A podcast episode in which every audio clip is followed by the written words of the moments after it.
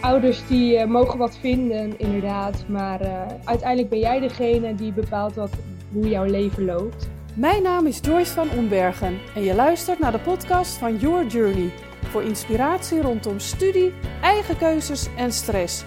In deze aflevering zit ik virtueel op de bank met Lisa van het Bolsje, derdejaars studenten aan de PABO. Lisa wilde na haar mbo-opleiding tot grafisch vormgever heel graag de kunstacademie gaan doen. Ze zag het al helemaal voor zich dat ze leraar beeldende kunst zou worden. Helaas werd ze niet toegelaten en belandde ze in een tussenhalfjaar. Tijdens deze periode ging ze aan het werk en bereidde zich voor op een toelating voor de PABO. Met succes!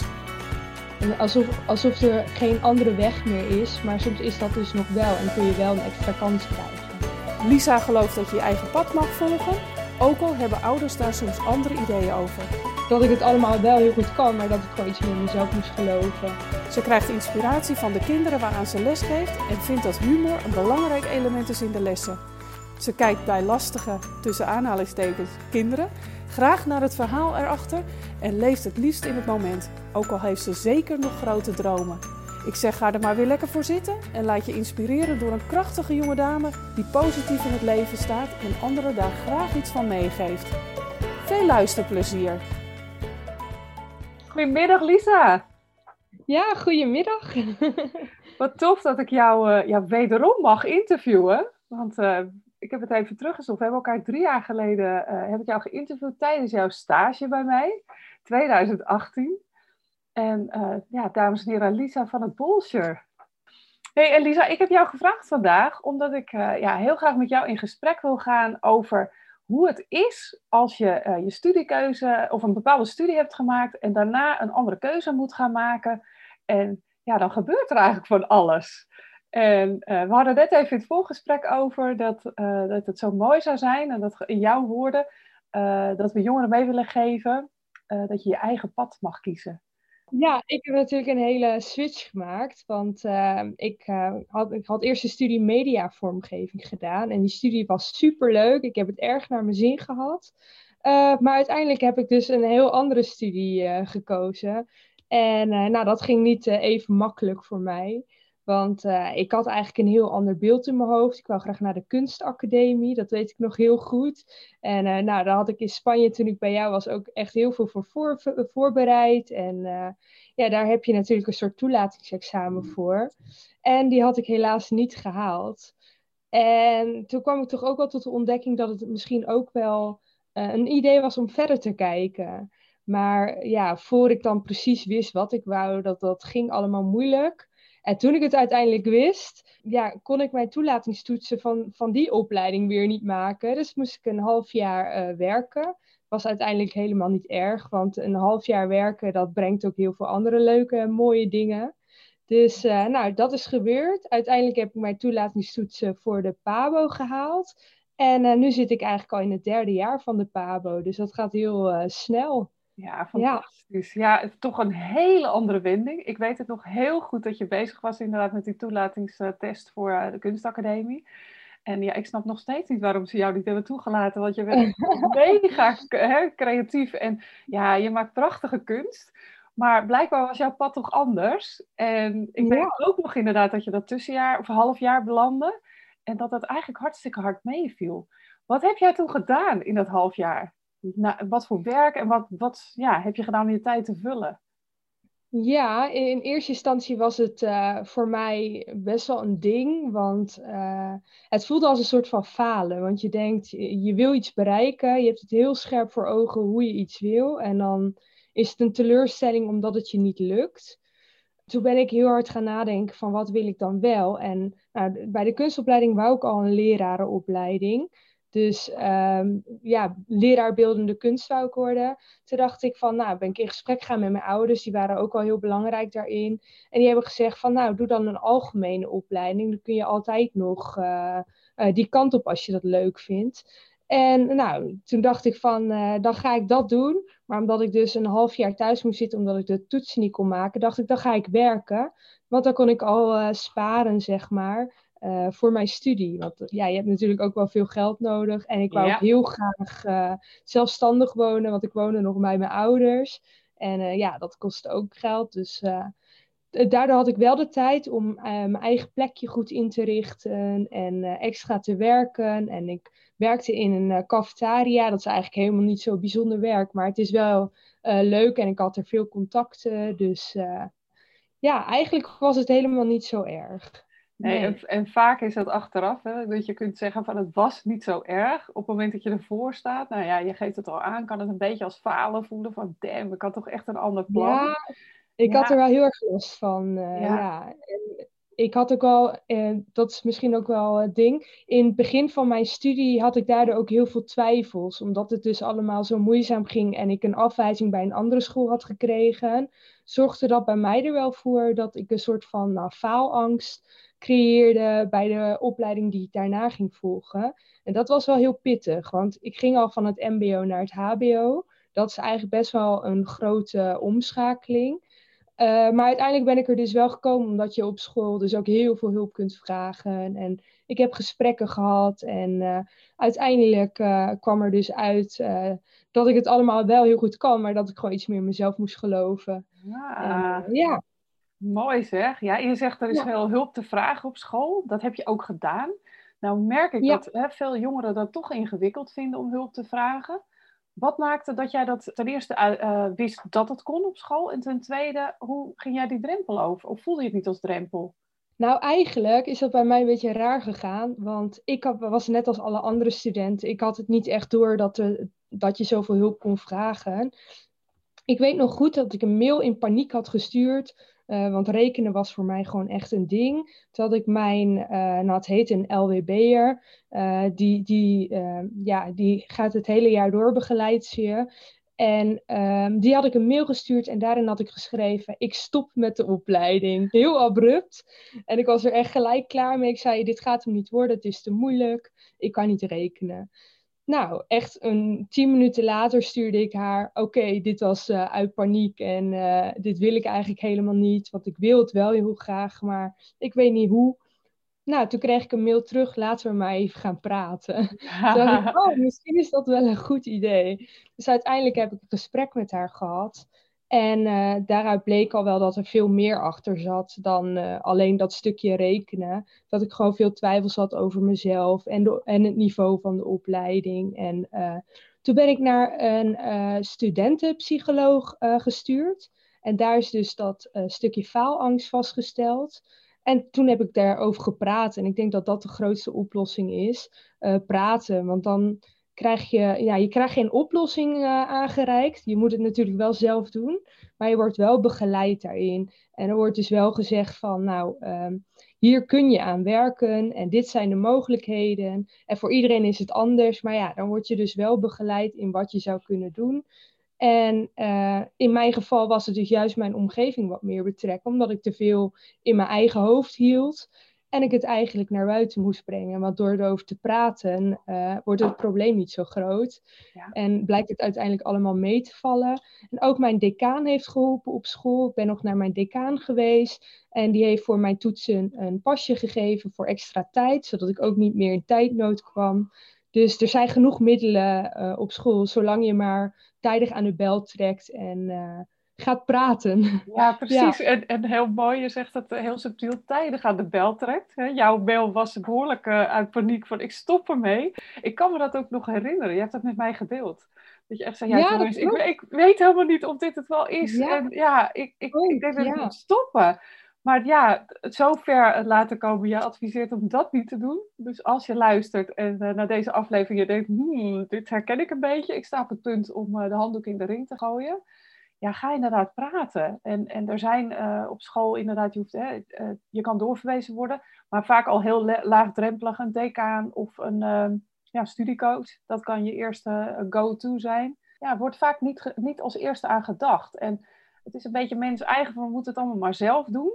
En ja, dat is, dat is helemaal niet waar. En het is geen teken van zwakte om hulp te vragen, juist niet. Juist niet. Nee. Heel, heel krachtig. Ja. Nee, en het helpt natuurlijk ook om te weten dat er meer mensen zijn die met hetzelfde probleem zitten. En, uh, ik was ook niet de enige in de klas. En het is ook fijn om dan juist de mensen op te zoeken die ook uh, met dingetjes lopen. Om te zien dat je niet de enige bent die moeite met dingen heeft. Want op een gegeven moment dacht ik ook, ik ben de enige in de klas die moeite heeft met een aantal vakken. Maar dat was uiteindelijk helemaal niet zo.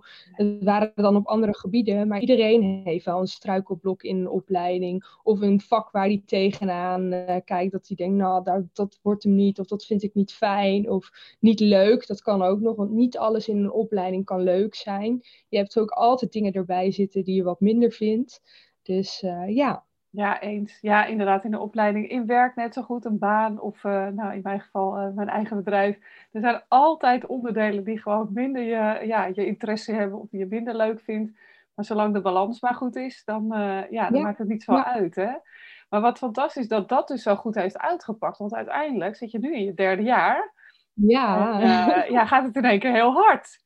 Ja. En hoe is het, ja. uh, wanneer wist je, want je ging toen hulp vragen, wanneer voelde je daarna van, hé, hey, nu zit ik op mijn plek?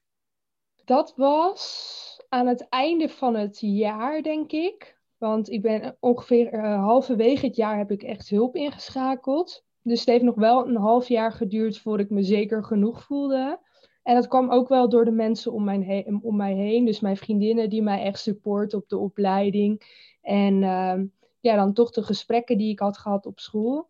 Uh, maar toen, had ik, toen was ik er nog niet. Dus uh, ik had een rekentoets die ik moest halen. En anders moest ik van de opleiding af. Uh, maar die had ik nog niet gehaald. En die moest je eigenlijk aan het einde van het jaar halen. Maar juist omdat ik vanaf uh, na half het schooljaar aan de bel had getrokken en dus wel in gesprek ben gegaan, uh, kreeg ik extra kansen. Dus dat is ook nog wel een tip om mee te geven.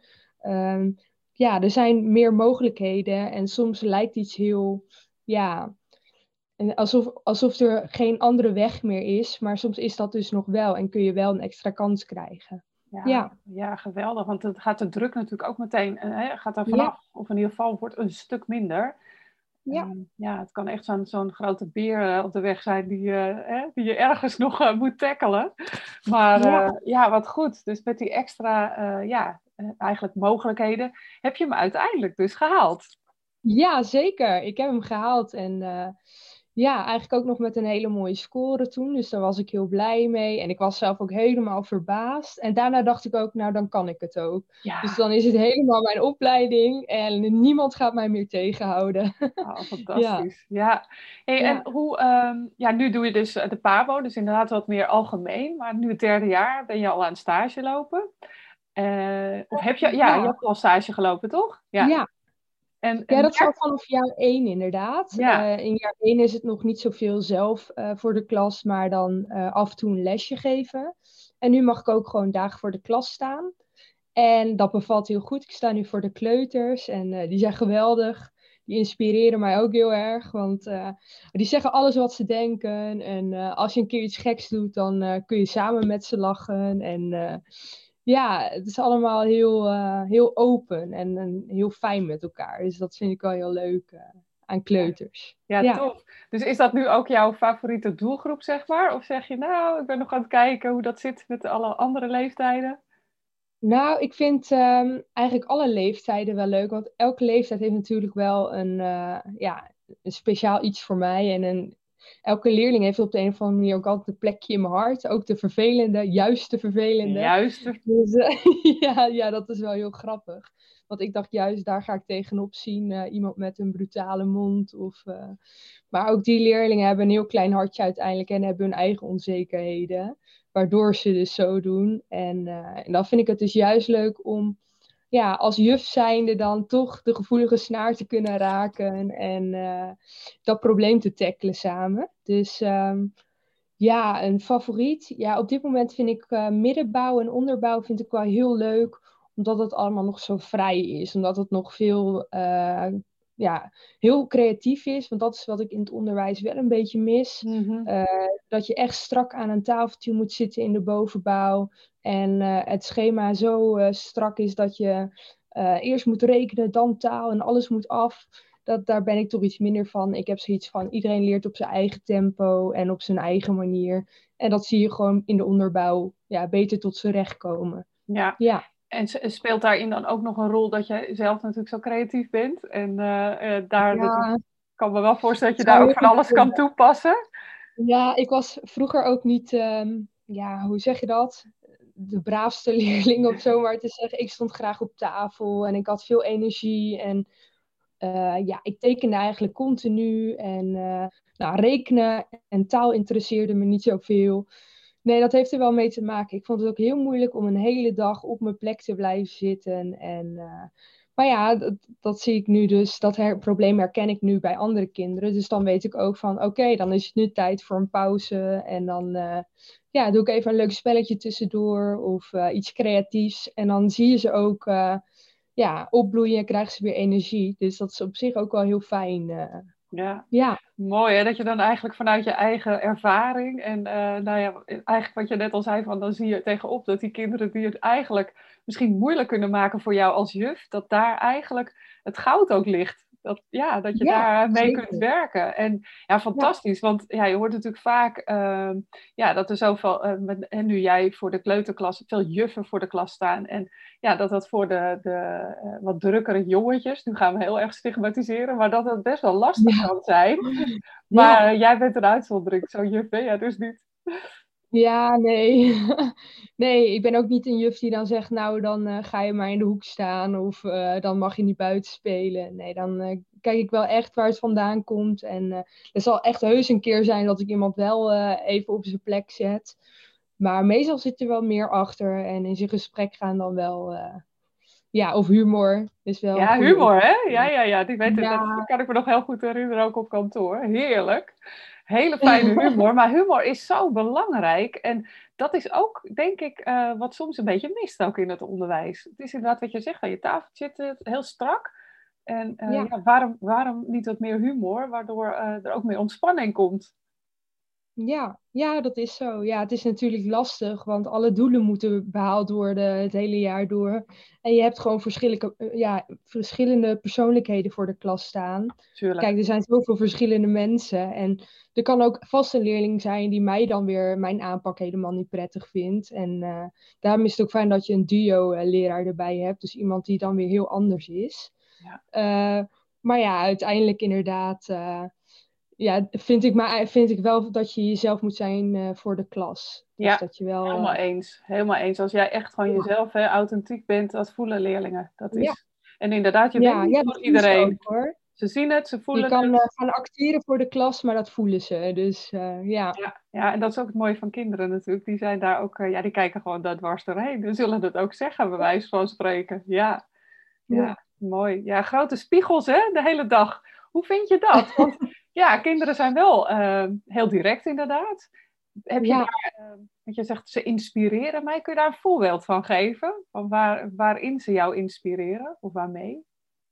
Nou, misschien ook wel de eerlijkheid waarin, uh, ja, de kinderen die, ja, ze, ze liegen natuurlijk wel eens om kleine dingen, maar ze zijn ook al heel eerlijk naar elkaar. En ze kunnen bijvoorbeeld een, ruzie, kunnen ze ook heel makkelijk oplossen. Kijk, waar wij als volwassenen nog uren en dagen en jaren over na kunnen praten, legt een, leerling legt zich zo bij neer en zegt, nou, sorry, geeft een hand of een knuffel. En ze gaan weer samen spelen. Terwijl wij elkaar dan vermijden of... Uh, ja, er nog weer op terugkomen. En uh, ja, kinderen die zijn helemaal niet meer bezig. En als je dan vraagt van, uh, nou, is alles dan wel weer goed gegaan? En uh, was er iets aan de hand dan? Weet je wel, dan, dan weet ze het dan niet eens meer. Dan denk ik, nou, werkte dat maar zo bij ons ja. als volwassen zijnde. Ja. ja gek hè, dat je inderdaad hoe ouder je wordt, dat er ja, toch bepaalde filters ontstaan, allerlei lagen. Ja. En... ja, en dat is natuurlijk om jezelf te beschermen, maar het is ook wel ergens heel jammer, want nou, als we dat allemaal niet zouden doen, zou het er heel anders uitzien. Klopt, ja, ja, ja, helemaal waar, ja. Dat is jammer. Maar dat, dat, dat, is ook het kind, dat is het leuke aan kind zijn. En uh, dat inspireert mij wel. En dat maakt ook wel dat ik soms uh, zelf ook nadenk van... Goh, is het ook allemaal zo erg wat die persoon gedaan heeft? En had ik dat zelf niet ook een keer gedaan? Of dat ik dan bij mezelf ook een probleem ga zoeken... en niet meer alleen uh, bij de ander. Dus dat is ook wel iets Mooi, wat mij dan inspireert. Ja. ja. Ja, die herken ik. Ja, ik zeg ook altijd, ik leer elke dag juist van jongeren ook. Omdat dat ja, ja. kijken inderdaad vaak nog anders naar dingen. En uh, zijn sowieso veel sneller dan ik nu, zal ik heel eerlijk zeggen. dus dat vind ik eigenlijk ook fantastisch. Dan denk ik, ja, dan ben ik iets aan het uitzoeken. Dan denk ik, joh, laat zitten. Dan doen zij vijf keer sneller. En ja. uh, dat heeft dan ook denk ik te maken met, kun je je ego even parkeren? Waarom zou je het allemaal zelf moeten doen? Herken je dat ook? Ja. Dat je al op die leeftijd... Ja, ik ben 25 en dan nog heb ik kinderen die meer weten. En er zijn natuurlijk elke keer hypes en uh, dingen uh, die ik dan niet ken en die ze mij dan leren. En uh, er zitten ook hele grappige dingen bij. Maar er zijn bijvoorbeeld ook kinderen, bijvoorbeeld een autistisch kindje in de klas, die is helemaal gek van achtbanen. Maar die kan mij dus elk detail van, van zo'n onderwerp uitleggen. Dus daar leer ik dan ook weer van. Uh, dus dat is dan wel heel grappig. Uh, iedereen heeft eigenlijk dus zijn eigen uh, ja, kwaliteiten. Dus dat is wel mooi om te zien. Ja, dat is mooi hè. En als je daarvoor open staat inderdaad, dan maakt het echt niet uit hoe oud je bent of hoe jong je bent. Nee. Dan nee. kunnen we elkaar elke dag iets leren. Fantastisch. Ja. Als we nog eens teruggaan naar het eigen pad, Lisa. Als jij kijkt naar je eigen pad de afgelopen jaren welke, welke keuzes springen eruit van ja, daar heb ik echt vanuit nou ja, mijn eigen, uh, ja, vanuit mezelf gekozen, vanuit mijn eigen gevoel, vanuit mijn eigen. Nou, de eerste was natuurlijk naar Malaga gaan. Uh, ja, daar was mijn moeder wat minder blij mee.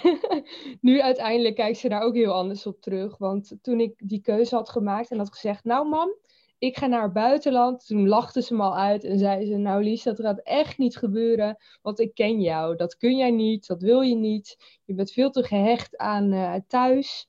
En uh, ja, ik zit ook al heel graag in mijn comfortzone. Maar ik dacht, ik stap er nu eens een keer uit. Want uh, ja, die tip had ik gekregen op school. Want ze zeiden, nou, het gaat jou heel makkelijk af hier. Jij moet uitdaging hebben.